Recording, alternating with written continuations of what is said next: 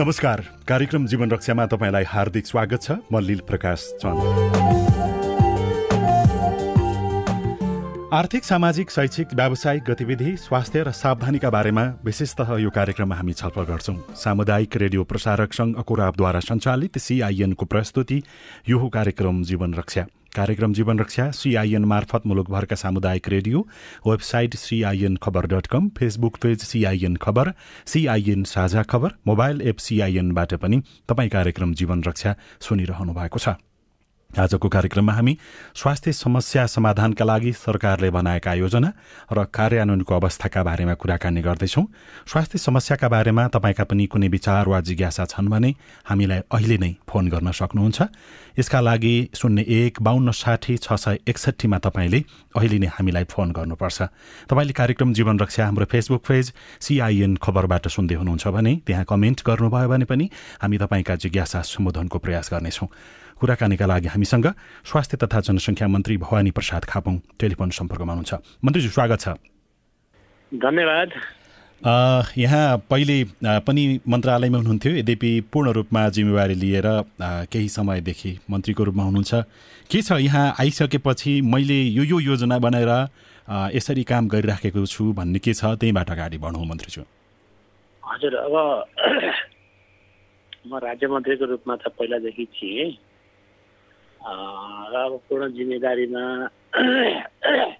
आइसकेपछि अब मन्त्रालयको चाहिँ पूर्ण जिम्मेदारीको चाहिँ कार्य वहन गर्ने चाहिँ सिलसिलामा मैले सकेसम्म मन्त्रालयबाट स्वास्थ्य मन्त्रालयबाट जनतालाई चाहिँ स्वास्थ्य सेवा पुर्याउने क्रममा चाहिँ सकेसम्म सहजता मिलोस्।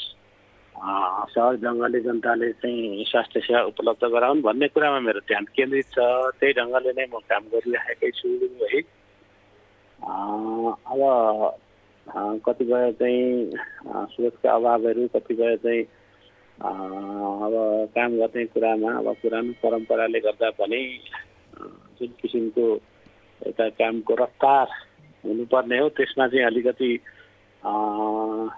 ढिला सुस्ती कमी कमजोरी नै भइरहेको छ भन्ने पनि मैले महसुस गरेको छु। तथापि यहाँ राज्य राज्य मन्त्री हुँदाखेरि बनाएका योजनाहरू अहिले पूर्ण रूपमा यहाँले जिम्मेवारी पाउँदाखेरि ती योजना पनि अगाडि बढ्दैछन् भन्ने हो कि? अथवा राज्य मन्त्री भन्ने एउटा रहँदो रहेछ अर्को पूर्ण रूपमा जिम्मेवारी पाएपछि अर्को भूमिकामा अर्को काम गर्नु पर्दो रहेछ?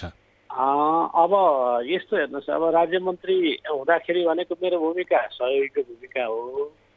त्यति बेला चाहिँ अब पूर्ण जिम्मेदार जिम्मेवारी दिएका मन्त्रीलाई सहयोग गर्ने काम नै हो र त्यति बेला चाहिँ उहाँले लिनुभएका चाहिँ जुन योजनाहरू लक्ष्यहरूलाई पुरा गर्ने कुरामै मैले चाहिँ सहयोग पुर्याउँदै आएको थिएँ। तपाईँ पूर्ण रूपमा जिम्मेवारीमा पुग्ने बित्तिकै अहिले देशभरमा सबभन्दा धेरै देखिएको भनेको कोरोना पछिको अहिलेको डेङ्गीको महामारी यसलाई अझ सरकारले महामारीको रूपमा घोषणा गर्ने कि नगर्ने भनेर पनि छलफल भइराखेको भनिएको थियो। यो डेङ्गी नियन्त्रणको लागि मन्त्रीको रूपमा यहाँले कसरी काम गर्दै हुनुहुन्छ? अब डेङ्गु नियन्त्रणको लागि सकेसम्म हाम्रा चाहिँ सबै प्रकारका सार्वजनिक स्रोतहरू परिचालन गर्नुपर्नेछ। पर्छ भनेर चाहिँ हामीले छलफल गरेका छौँ। भर्खरै मात्रै पनि यसको चाहिँ सम्बन्धित पक्षहरूसँग महाशाखा प्रमुखहरूसँग हामीले एउटा मिटिङ नै गरेर चाहिँ योजना अगाडि बढाएका छौँ। त्यही अनुसारले चाहिँ काम पनि अगाडि बढिरहेकै छ। अब खास गरी अब यो डेङ्गु चाहिँ अब कस्तो रहेछ भने लामखुट्टेद्वारा चाहिँ लामखुट्टेले टोके पछि सर्ने रोग भएको हुनाले यसलाई सकेसम्म चाहिँ यसको चाहिँ अब लार्वाहरू पिउपाहरू चाहिँ खोजेर नष्ट गर्नुपर्ने नै यसको नियन्त्रणको चाहिँ प्रमुख प्रमुख बाटो देखियो। विज्ञहरूले चाहिँ त्यही ढङ्गले चाहिँ सुझाव दिनुभएको छ। त्यही अनुसारले चाहिँ अब मन्त्रालयको तर्फबाट प्रदेश जिल्ला स्थानीय तहसँग चाहिँ समय समन्वयात्मक चाहिँ प्रयासको लागि चाहिँ विभिन्न छलफलहरू पनि भएका छन्। त्यही अनुसारले चाहिँ स्थानीय तहहरूसँग चाहिँ मिलेर त्यसलाई चाहिँ खोज्ने र नष्ट गर्ने अभियान सञ्चालित भएको छ। हाम्रो चाहिँ रोग नियन्त्रण महाशाखाले स्थानीय तहहरूमा खास गरी चाहिँ देशका जहाँ जहाँ चाहिँ यो बढी रूपमा फैलिएको देखिन्छ बढी चाहिँ प्रभावित एरिया छ त्यस्ता ठाउँहरूमा चाहिँ खोजेर नष्ट गर भन्ने अभियान सञ्चालनका लागि चाहिँ बजेटको पनि व्यवस्था गरेर पठाइसकेको छ।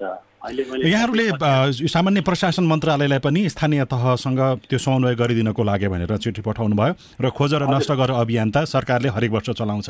तर विज्ञहरू के भन्छन् भने हरेक तिन वर्षमा डेङ्गीले अहिलेको जस्तै अझ अथवा योभन्दा ठुलो महामारीको रूप लिन सक्छ भनेर भनिराख्दाखेरि खोजेर नष्ट गर अभियान मात्रै हो कि अथवा अरू केही रणनीतिक रूपमा पनि मन्त्रालयले योजना बनाएर अगाडि बढ्नुपर्छ? अब विज्ञहरूको भनाइ के छ भन्दाखेरि यो प्रत्येक वर्ष नै यो समयमा डेङ्गुको प्रकोप बढ्ने समय हो भन्ने छ है। त्यस पछाडि अब उहाँहरूको चाहिँ तथ्याङ्क अनुसार भन्ने हो भने प्रत्येक वर्ष यो घट्दै घट्दै चाहिँ गएको छ। जुन ढङ्गले चाहिँ प्रभावित अघिल्ला अघिल्ला अघिल्ला वर्षहरूमा थियो त्योभन्दा अलिक कम भएको छ र यसपालि अलिक बेसी देखिएको छ। यसपालि चाहिँ विगत गत वर्षमा भन्ने चाहिँ उहाँहरूको मूल्याङ्कन छ।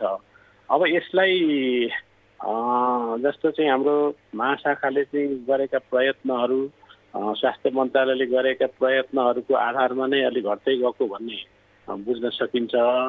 र अहिले अब गत वर्षको तुलनामा चाहिँ अहिले अलिक बढेको हुनाले यसलाई अलिक अभियानको रूपमा चाहिँ सञ्चालन गर्नुपर्छ भनेर नै स्थानीय तहहरू भयो त्यस्तै चाहिँ के अरे अब विद्यालयहरू होटलहरू चाहिँ अब उनीहरूका चाहिँ एसोसिएसनहरूसँग पनि बसेर छलफलहरू भएका छन् बैठक सञ्चालन भएका छन् र तिनलाई चाहिँ नियन्त्रणको लागि किसिमका सूचना सामग्रीहरू पनि मन्त्रालयले विकास गरेको छ र त्यसको चाहिँ प्रचार प्रसार पनि गरिरहेको अवस्था छ। र अहिले मैले समग्रमा भन्नुपर्दाखेरि यो नियन्त्रणको लागि मन्त्रालयले आफ्नो तर्फबाट चाहिँ भरमग्दुर प्रयत्न गरिरहेको छ। आफ्ना साधन र स्रोतहरूलाई पूर्ण रूपमा परिचालन गरेको छ। तल तल अब यस्तो चाहिँ परीक्षणका लागि किटहरू पनि उपलब्ध गराउने काम गरेको छ। र विभिन्न चाहिँ सञ्चारका माध्यमहरूलाई पनि चाहिँ के अरे प्रचार प्रसारको लागि यसको नियन्त्रणका सामग्रीहरू तयार गरेर सञ्चालन भइरहेको अवस्था छ। मलाई लाग्छ यो चाहिँ चाँडै नियन्त्रणमा आउँछ। र अहिले अब यो महामारीकै रूपमा राज्यले चाहिँ एकदम घोषणा गरेर जानुपर्ने स्थिति आइहालेको चाहिँ स्थिति होइन भन्ने लाग्छ र हाम्रो चाहिँ सामान्यतया छलफलमा त्यही निष्कर्ष पनि निस्केको छ। हामी कार्यक्रम जीवन रक्षामा छौँ। आजको कार्यक्रम जीवन रक्षामा हामीसँग स्वास्थ्य तथा जनसङ्ख्या मन्त्री भवानी प्रसाद खापुङ हुनुहुन्छ। यदि तपाईँलाई स्वास्थ्यसँग सम्बन्धित देशको स्वास्थ्य संरचना भौतिक संरचना जनशक्तिको संरचनाको बारेमा कुनै प्रश्न छ भने शून्य एक बाहन्न साठी छ सय एकसठीमा तपाईँ फोन गर्न सक्नुहुन्छ। हामी सम्बोधनको प्रयास गर्नेछौँ। यहाँसँग कुराकानी गर्दैछौँ भनेर हामीले सामाजिक सञ्जालमा लेखेपछि तामाङ सानु कान्छाले लेख्नु भएको छ सामाजिक सञ्जाल फेसबुकमा। सबैभन्दा पहिला ग्रामीण भिगका जनतालाई डेङ्गुबाट बचाउन र उपचारको लागि स्वास्थ्य कर्मी पर्याप्त सङ्ख्यामा पुगेका छन् कि छैनन् मन्त्रीज्यू? अब पहिलो कुरा त यसको रोकथामको लागि विज्ञहरूले नै के भनेका छन् भन्दाखेरि यसको रोकथाम गर्ने पहिलो उपाय पहिलो चाहिँ प्रमुख कार्य भनेको त यसका चाहिँ लार्भा र पिउकाहरू नष्ट गर्ने त्यस्तै गरेर चाहिँ त्यो बढ्न नदिनको निम्ति पानी जम्न नदिने सफा पानी जम्न नदिने र चाहिँ त्यो चाहिँ कतै जमेको छ भने जस्तो गमलामा अन्य कुनै चाहिँ कोभिड आउँदो अन्य घरका चाहिँ अन्य कुनै क्षेत्रमा जमेका छ भने त्यसलाई चाहिँ नष्ट गरिहाल्नुपर्छ भनेर प्रचार प्रसार व्यापक रूपमा भएको छ। त्यसको साथसाथै अब डेङ्गु रोग लागेर अब बिरामी भएकाहरूलाई उपचार चाहिँ आफ्नो आफ्नो चाहिँ स्थानीय तहसँग सम्बन्धित चाहिँ स्वास्थ्य चौकीहरू त्यस्तै गरेर चाहिँ अस्पतालहरूले पनि गरिरहेका छन् ठुल्ठुला अस्पतालहरूले पनि यसको उपचार गरिरहेका छन् र यसलाई चाहिँ यो निरन्तर रूपमा चाहिँ अब अहिले अभाव स्वास्थ्य कर्मीको अभाव अथवा चाहिँ त्यस्तो अरू कुनै चाहिँ उपचारकै अभावको कारणले समस्या देखा पर्ने स्थिति त छैन। मन्त्रीज्यू यहाँले अघि पनि भन्नुभयो त्यो डेङ्गुको जाँच गर्नको लागि किट लगायतका सबै संरचनाहरू पुगिसक्यो। तर यो हरेक स्वास्थ्य संस्था पछि नै डेङ्गी त्यो जाँच गर्ने किटको मूल्य फरक फरक भएको अथवा अहिले हालसालैका दिनमा आयो फेरि सिटामोलको अभाव भयो। औषधि व्यवस्था विभागले तिन दिनभित्रमा सजिलो बनाइसक्छौँ भनेर भनिराखेको छ भनेपछि यतातर्फ यहाँको ध्यान गइराखेको छ कि छैन मन्त्रीज्यू? हजुर यतातर्फ ध्यान गइराखेको छ। बजारमा अलिकति अब सिटामल चाहिँ अभाव भयो भन्ने कुराहरू बाहिर आएका छन् र अब त्यही अनुसार चाहिँ अब औषधि व्यवस्था विभागले पनि त्यही अनुसारले त्यो योजना बनाएर अगाडि बढेकै छ। उसले भनिस यहाँले भनिसक्नुभयो तिन दिन भित्रमा उपलब्ध हुन्छ भनेर। अब एउटा कस्तो रहेछ भने अब मलाई यसो उहाँहरूले दिएको रिपोर्ट अनुसार चाहिँ अब सिटामल अब धेरै लामो समय धेरै उत्पादन गरेर राखिरहने विषय पनि होइन त्यो चाहिँ त्यसको डेटा हुन्छ भन्ने छ उहाँहरूको अनि त्यस्तै अब उत्पादकहरूको एउटा यो सिटामलसँग जोडिएका केही औषधिहरू चाहिँ उत्पादकहरूको चाहिँ एउटा गुनासो के आइरहेको छ भने यसको मूल्य चाहिँ एकदम कम भएको छ हामीले मूल्य बढाउन पाएनौँ जसले गर्दा चाहिँ हाम्रो लागत पनि उठ्दैन भन्ने गुनासो पनि आइरहेको छ। तथापि पनि अब यसलाई निरन्तर रूपमा उपलब्ध गराउनुपर्छ भनेर हामीले भनेका छौँ। मन्त्रीज्यू जस्तो यहाँ त कोरोना कालमा पनि एउटा मन्त्रालयमै हुनुहुन्थ्यो जिम्मेवारी पुरा अथवा आधा जस्तो सुकै भए पनि। अहिले कोरोना सङ्क्रमणको बेलामा पनि एउटा समयमा यो सिटामोलको अभाव भयो। अहिले डेङ्गीले एउटा काठमाडौँ उपत्यकामा जुन रूप लिइराखेको छ बढिराखेको छ यो अवस्थामा पनि सिटामोल फेरि अभाव भइराखेको छ। यो साँच्चीकै अभाव हो कि फेरि बढाउन पाइन्छ कि अथवा सरकारलाई गलाउन सकिन्छ कि भन्ने उद्देश्यबाट अथवा त्यो निजी क्षेत्रबाट भइराखेको कुनै प्रकार प्रकारको त्यो जालझेलको रूपमा पनि यहाँले बुझ्नुहुन्छ? अब मैले आएदेखि जस्तो अब बेलामा यो अभाव हुने कुरामा चाहिँ मलाई के लाग्छ भन्दाखेरि जस्तो चाहिँ जो कोरोना कालमा पनि पहिलो त औषधिको रूपमा प्रयोग गर्ने ज्वरो बढी आउने भएको हुनाले प्रयोग गर्ने नै सिटामल हो। त्यसो भएको हुनाले अलिक धेरै अब महामारीका बेला फैलिएका बेला अलिक धेरै चाहिँ त्यसको माग हुने अलिक धेरै त्यसको खपत पनि हुने र कतिपय चाहिँ अब जनसमुदायले पनि अलिक किनेर राख्ने कारणले पनि अभाव हुने चाहिँ गरेको भन्ने खालको चाहिँ हाम्रो बुझाइ छ। त्यसलाई चाहिँ अब सिरियसली नै मन्त्रालयले पनि हेरेर अघिल्ला कार्य कालमा अथवा चाहिँ यो कोरोनाको कार्यकालमा पनि गम्भीरताका साथ औषधि उत्पादकहरूलाई चाहिँ आपूर्ति गर्ने गरेका चाहिँ विभिन्न छलफल बैठकहरू पनि भए ती समाधानहरू पनि भए। अब अहिले पनि चाहिँ त्यो खालको देखिएको हुनाले अब त्यो चाहिँ चाँडै समाधान भइहाल्छ। त्यो चाहिँ एकदम महामारीको रूपमा फैलिरहेको बेलामा औषधि नै नहुने स्थिति त अब सिर्जना हुन्न। केही समय हट्ट माग बढेको हुनाले अलिअलि अब त्यस्तो अभाव चाहिँ देखिएकै होला। तर पनि त्यो समस्याको रूपमा अभावै अभाव चाहिँ हुन्न। अब व्यवसायीहरूको गुनासो चाहिँ अब त्यसको चाहिँ लामो समयदेखि त्यो मूल्य वृद्धि गर्न पाइएन भन्ने गुनासो चाहिँ उहाँहरूको रहिआएकै छ त्यो व्यवसायीहरूले गरेको गुनासोलाई कम गर्नको लागि अथवा नागरिकलाई सुविधा दिनको लागि त औषधि व्यवस्था विभाग आफैले पर्याप्त मात्रामा सिटामोल उत्पादन गर्नु पर्यो। हामीले कैयौँ पटक प्रसारण गऱ्यौँ भन्यौँ कि विभागले अब आफैले सबै सिटामोल उत्पादन गर्छु। सरकारले सिटामोलमा मात्रै होइन कि यहाँ उत्पादन हुने औषधिमा आत्मनिर्भरको योजना बनायो भनेर भनिराखेका छौँ। यो जुन हालिमुहाली अरू बाहिरको क्षेत्रबाट हुने सरकारले गर्ने उत्पादन केही छोटो समयको लागि हुने समस्या विगतमा देखियो औषधिको सन्दर्भमा। तपाईँको कार्यकालमा केही हुन्छ? नेपालमै औषधि उत्पादन पर्याप्त मात्रामा सरकारले नै अथवा सरकारको स्वामित्व रहेको सङ्गठन संरचनाबाट बन्ने गरी केही काम भइराखेको छ कि छैन? अब अहिले नै ठोस रूपले त त्यो काम त भइराखेको छैन हेर्नुहोस् है।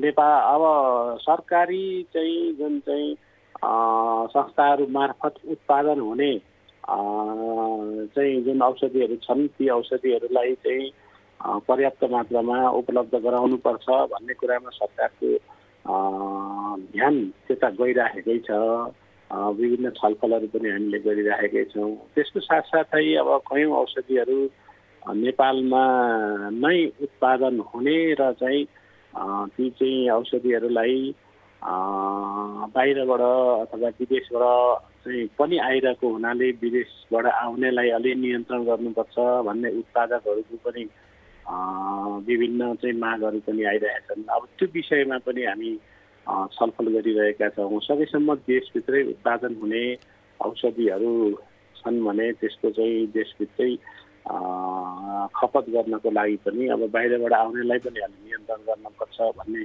दृष्टिकोण छ। त्यो ढङ्गले पनि हामी छलफल गरिरहेका छौँ। र अब सरकारी चाहिँ माध्यमद्वारा उत्पादन हुने चाहिँ जुन क्यापासिटीमा हुन्छ त्यसलाई पनि वृद्धि गर्ने कुरामा हामी सोच गरिरहेका छौँ छलफल गरिरहेका छौँ। तथापि पनि अहिले अब ठोसै चाहिँ के अरे परिणाम निस्किने गरी काम अगाडि बढिहाल्ला चाहिँ छैन। यो त एउटा डेङ्गीको कुरा र सिटामलको कुरा भयो। त्यो सँगै देश यस्तो अवस्थामा छ कि सबै भूगोल बनौट अथवा सबै क्षेत्रमा समान ढङ्गबाट हामीले नागरिकलाई सेवा सुविधा पुर्याउन नसकेको कुरा साँचो छ।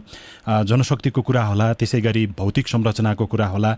औषधि पनि काठमाडौँमा एउटा औषधि जुन मूल्यमा हामी पाउँछौँ त्यो मुगु धारचुला अथवा ताप्लेजुङ इलाम लगायतका अझ जति जति हामी सुदूर ठाउँमा जाँदैछौँ त्यति त्यति अझ महँगो भइराखेको सुविधा अझ अपुग भइराखेको स्थितिमा यो जनशक्ति त्यसै गरी सरकारको संरचना सरकारले करोडौँ खर्च गरेर संरचनाहरू बनाएको छ। त्यसको पूर्ण रूपमा अझै कार्यान्वयनमा आउन नसकेको अथवा प्रयोगमा आउन नसकेको स्थिति छ।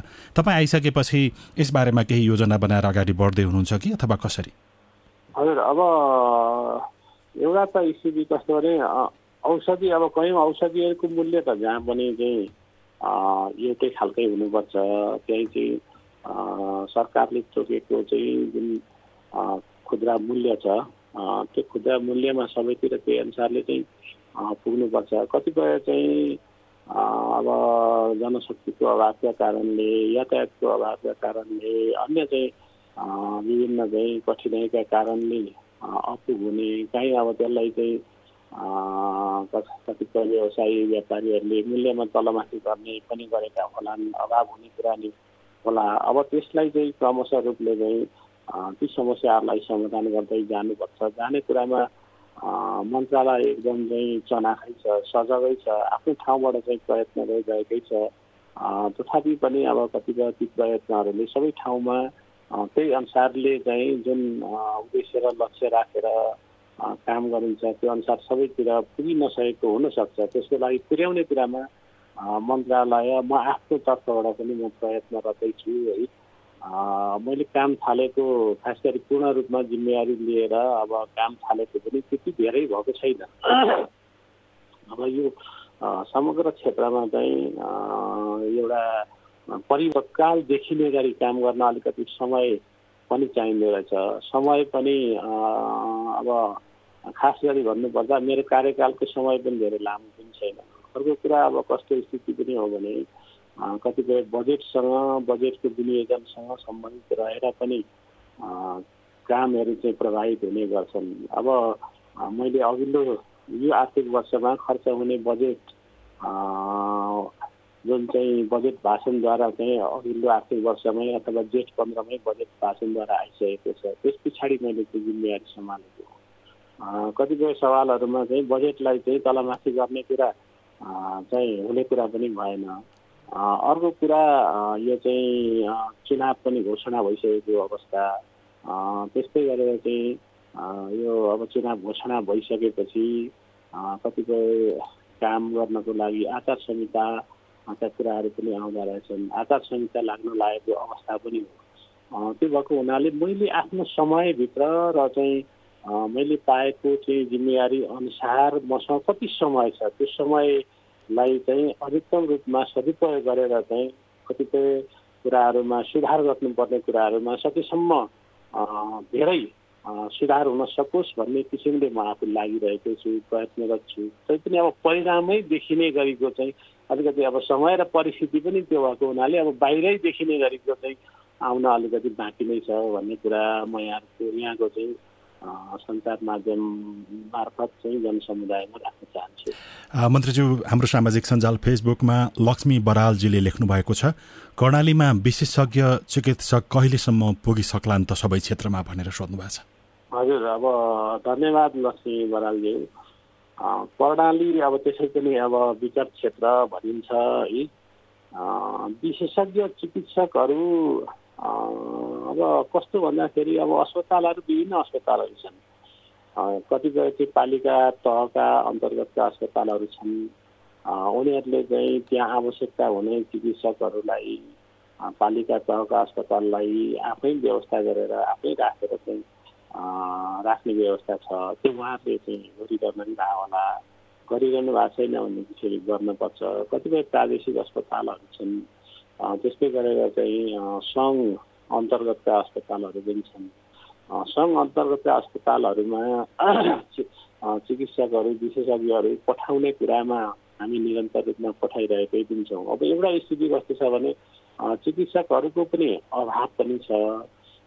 विशेष गरेर छात्रवृत्तिमा अध्ययन गरेका चिकित्सकहरूलाई दुई वर्षसम्म करारमा काम गर्ने गरी हामीले खटाउने गरेका छौँ। अब त्यो खटाउने क्रममा देशव्यापी रूपमा पुर्याउने चाहिँ हाम्रो अभियान छ। देशव्यापी जहाँ कुना कन्दरमा कन्दरामा जहाँ अस्पताल त्यो तहका छन् ती तहका अस्पतालहरूमा त्यो तहका चाहिँ चिकित्सकहरू पठाउने गरी हामी त्यही अनुसारको योजना बनाएर उहाँहरूलाई खटाउने गरेका छौँ। अब एउटा समस्या चाहिँ के छ भने नयाँ चाहिँ आउने चिकित्सकहरू पनि दूर दराजतिर जानलाई गाह्रो मान्ने अनि जानै नखोज्ने अलिक बढी चाहिँ के अरे कतै पठाइहाल्यो भने पनि यसलाई चेन्ज गरिदिनु पर्यो सम्भावना छैन भनेर अनेक बहाना गर्ने अब विभिन्न चाहिँ पहुँचवाला नेताहरूलाई फोन गराउने कारणले गर्दा पनि हामीलाई अब केही समस्याहरू चाहिँ सिर्जना भएका छन्।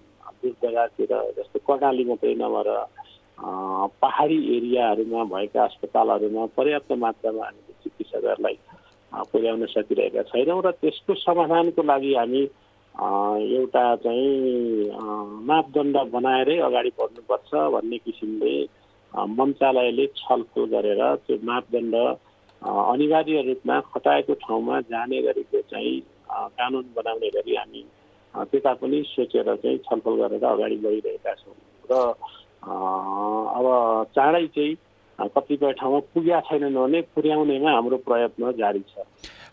यो सँगसँगै पछिल्लो समयमा चर्चा भएको विषय भनेको नेपालबाट नर्सहरू अब बेलायत लैजाने बारेमा नेपाल सरकार र बेलायतको सरोकारवाला निकायका बिचमा सहमति भयो भन्ने कुरा आयो।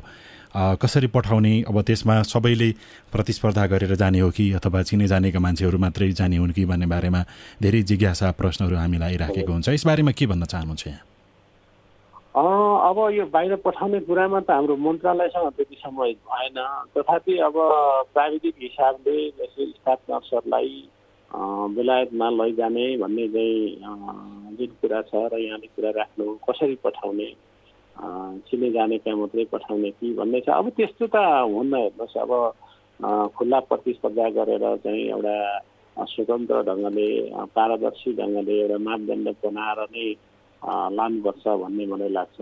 अब अब कस्तो स्थिति भने अब प्राविधिक पढ्नेहरू यसो बुझ्दाखेरि प्राविधिक विषय खास गरी स्वास्थ्यसँग सम्बन्धित विषय अध्ययन गर्नेहरूको चाहिँ जुन सङ्ख्या अब संसारमै कम हुँदै गएको कि भन्ने विज्ञहरूले पनि भन्दै गरेका छन्। डक्टर पढ्ने त्यस्तै गरेर चाहिँ नर्स पढ्नेहरू। त्यो कारणले अब ठुलो सङ्ख्यामा बेलायतले लान खोजेको पनि होला। अब नेपालीहरू जो चाहिँ जान चाहनुहुन्छ उहाँहरूले चाहिँ एउटा मापदण्डभित्र रहेर चाहिँ पारदर्शी ढङ्गले छनौट भरै जानुपर्छ। भन्ने हो मेरो भनाइ। अब कसैलाई चिजनको आधारमा कसैलाई सोचपोचको आधारमा अथवा अरू कुनै लेनदेनको आधारमा चाहिँ पठाउने गरियो भने त्यसले त राम्रो गर्दैन र त्यो गर्न हुँदैन पनि भन्ने विचार हो मन्त्रीज्यू अब यो सँगै कोरोना महामारीको बेलामा ठुलो लाखौँ अर्बौँको एउटा खर्च गरेर संरचना निर्माण गरियो। र अहिले पनि बुस्टर मात्रा लगाउने भन्दा नलगाउनेको सङ्ख्या अथवा त्यसप्रति आकर्षण नबढेको हो कि भन्ने देखिन्छ र स्वास्थ्य सावधानीको हिसाबले पनि त्यति धेरै नागरिकमा अब सावधानी अप्नाउनु पर्छ र भन्ने ढङ्गबाट प्रश्नहरू आइराखेको बेलामा कोरोना महामारी कोरोनाप्रतिको सरकारको अहिलेको बुझाइ के हो यो अब सकिँदै गइराखेको भन्ने हो कि? अथवा होइन यसमा त सचेतै हुनुपर्छ भन्ने ढङ्गबाट तपाईँहरूले सरकारले काम गरिराखेको छ अहिले? अब कोरोना महामारी को अहिलेको अवस्था भनेको चाहिँ नेपालमै पनि अब विश्वव्यापी रूपमै पनि यसको सङ्क्रमणको दर चाहिँ घटिराखेकै छ तथ्याङ्कहरूले केही देखाउँछ। केही समय अगाडि नेपालमा अलिकति बढ्दै गरेको हो कि भने जस्तो देखिएको थियो। अहिले फेरि पछिल्लो अवधिमा निरन्तर रूपमा घटिराखेकै छ। तर पनि अब यो महामारी सकिएको हो अब यसबाट ढुक्क हुनुपर्छ भन्ने गरीको चाहिँ स्वास्थ्य वैज्ञानिकहरूले विज्ञहरूले त्यो चाहिँ भन्नुभएको छैन। यसबाट सजग त हुनैपर्छ यसबाट सजग भएन भने फेरि पनि यसले चाहिँ महामारीको रूप लिन सक्दैन भन्न सकिन्न। तथापि पनि पछिल्लो अवधिले पनि अवधिमा जुन सङ्क्रमण दर अलिकति बढेको अलिकति बिमारीहरू बढेको अवस्थामा हेर्दा पनि अब के देखिन्छ भन्दाखेरि पहिलाको जस्तो यो रोग लागेपछि मृत्यु हुनेको दर चाहिँ ज्यादै कम देखियो। त्यसमा पनि जति मृत्यु भए भए यो पछिल्लो अवधिमा हाम्रो चाहिँ नेपालमा त्यो चाहिँ के देखिन्छ भन्दाखेरि खोप लगाएका मान्छेहरूभन्दा खोप नलगाएका मान्छेहरू धेरै प्रभावित भएर चाहिँ जति मृत्यु भएका छन् त्यसमा पचहत्तर पर्सेन्ट चाहिँ खोप नलगाएका भन्ने चाहिँ मन्त्रालयको तथ्याङ्क छ। त्यसबाट खोप नै एउटा चाहिँ यसको यो रोगबाट जोगिने उपाय हो भन्ने कुरामा त दुई मात्रै छैन। विश्व स्वास्थ्य सङ्गठनले पनि त्यही भनिरहेको छ। त्यसले गर्दाखेरि खोपमा चाहिँ सजगता अप्नाउनुपर्छ र खोप नलगाएका कोही हुनुहुन्छ भने पनि लाउनुपर्छ भन्नेमै चाहिँ हाम्रो जोड छ। अहिले नै अब कोरोना सकियो होसियारी चाहिँ गर्नु पर्दैन। भन्ने कतिपय चाहिँ जनमानसका मा उब्जिएको देखिन्छ। अहिले पनि यसो बजारतिर हेर्दाखेरि मास्क लगाएर हिँड्नुपर्छ। भन्दा अब त्यसमा सचेत सचेत ढङ्गले सबैले मास्क नलगाएको अवस्था पनि देखिन्छ। अब यो आफसे आफ कस्तो हुँदो रहेछ भने यसको चाहिँ सङ्क्रमणको दर घटेपछि अलिकति अब स्वतन्त्र फ्री जस्तो भएर पनि अब यो पर्दैन है भनेर आफसे आफ पनि त्यो खालको चाहिँ एउटा विचारले प्रभावित भइरहेको हो कि जस्तो देखिन्छ। तर अब म एउटा स्वास्थ्य मन्त्रीको हैसियतले के अन्तर गर्न चाहन्छु भने अहिले अब विज्ञहरूले वैज्ञानिकहरूले त्यो अवस्था आइसकेको छैन है। अब पूर्ण रूपले चाहिँ कोरोना मुक्त भएको छ। अब यसबाट कुनै डराउनु पर्दैन भन्ने कुरा चाहिँ उहाँहरूले भने नभन्नु भएको हुनाले यसबाट सजग हुनैपर्छ अहिले पनि हामी चाहिँ स्वास्थ्य चाहिँ के अरे वैज्ञानिकहरूले अथवा चाहिँ विश्व स्वास्थ्य सङ्गठनले चाहिँ जुन स्वास्थ्यका मापदण्डहरू घोषणा गरेको छ त्यो मापदण्डलाई अप्नाएर नै जानुपर्छ भन्ने चाहिँ म यहाँको चाहिँ सञ्चार माध्यम अनुसार अपिल पनि गर्न चाहन्छु। हस् मन्त्रीज्यू समय दिनुभयो यहाँलाई धेरै धेरै धन्यवाद छ। हस् धन्यवाद छ यहाँलाई पनि धेरै धन्यवाद। यहाँको चाहिँ सञ्चार मार्फत मेरा आफ्ना विचारहरू चाहिँ राख्ने अवसर प्रदान गर्नु सिआइएनलाई धेरै धन्यवाद। स्वास्थ्य तथा जनसङ्ख्या मन्त्री भवानी प्रसाद खापुङ हुनुहुन्थ्यो। उहाँसँग आजको कार्यक्रम जीवन रक्षामा हामीले विशेष गरी डेङ्गी नियन्त्रणका लागि सरकारले लिएका योजना र स्वास्थ्य कर्मी जनशक्तिको व्यवस्थापन भौतिक संरचनाको व्यवस्थापनको लागि सरकारले कसरी काम गरिराखेको छ भन्ने विषयमा छलफल गर्यौं। कार्यक्रम सुनिसकेपछि तपाईँको मनमा उठेका प्रश्न र कुनै विचार भए हामीलाई पठाउन वा लेख्न सक्नुहुनेछ। यसका लागि हाम्रो इमेल ठेगाना Sajha Khabar at Gmail dot com I B R number शून्य एक बाहन्न साठी छ चार छमा फोन गरेर दिइने निर्देशन अनुसार आफ्नो विचार रेकर्ड गर्न सक्नुहुन्छ। प्राविधिक साथी सुनिल राज भारतलाई धन्यवाद दिँदै रेडियो कार्यक्रम जीवन रक्षाको आजको अङ्कबाट हामी सबै विदा हुन्छौँ। नमस्कार।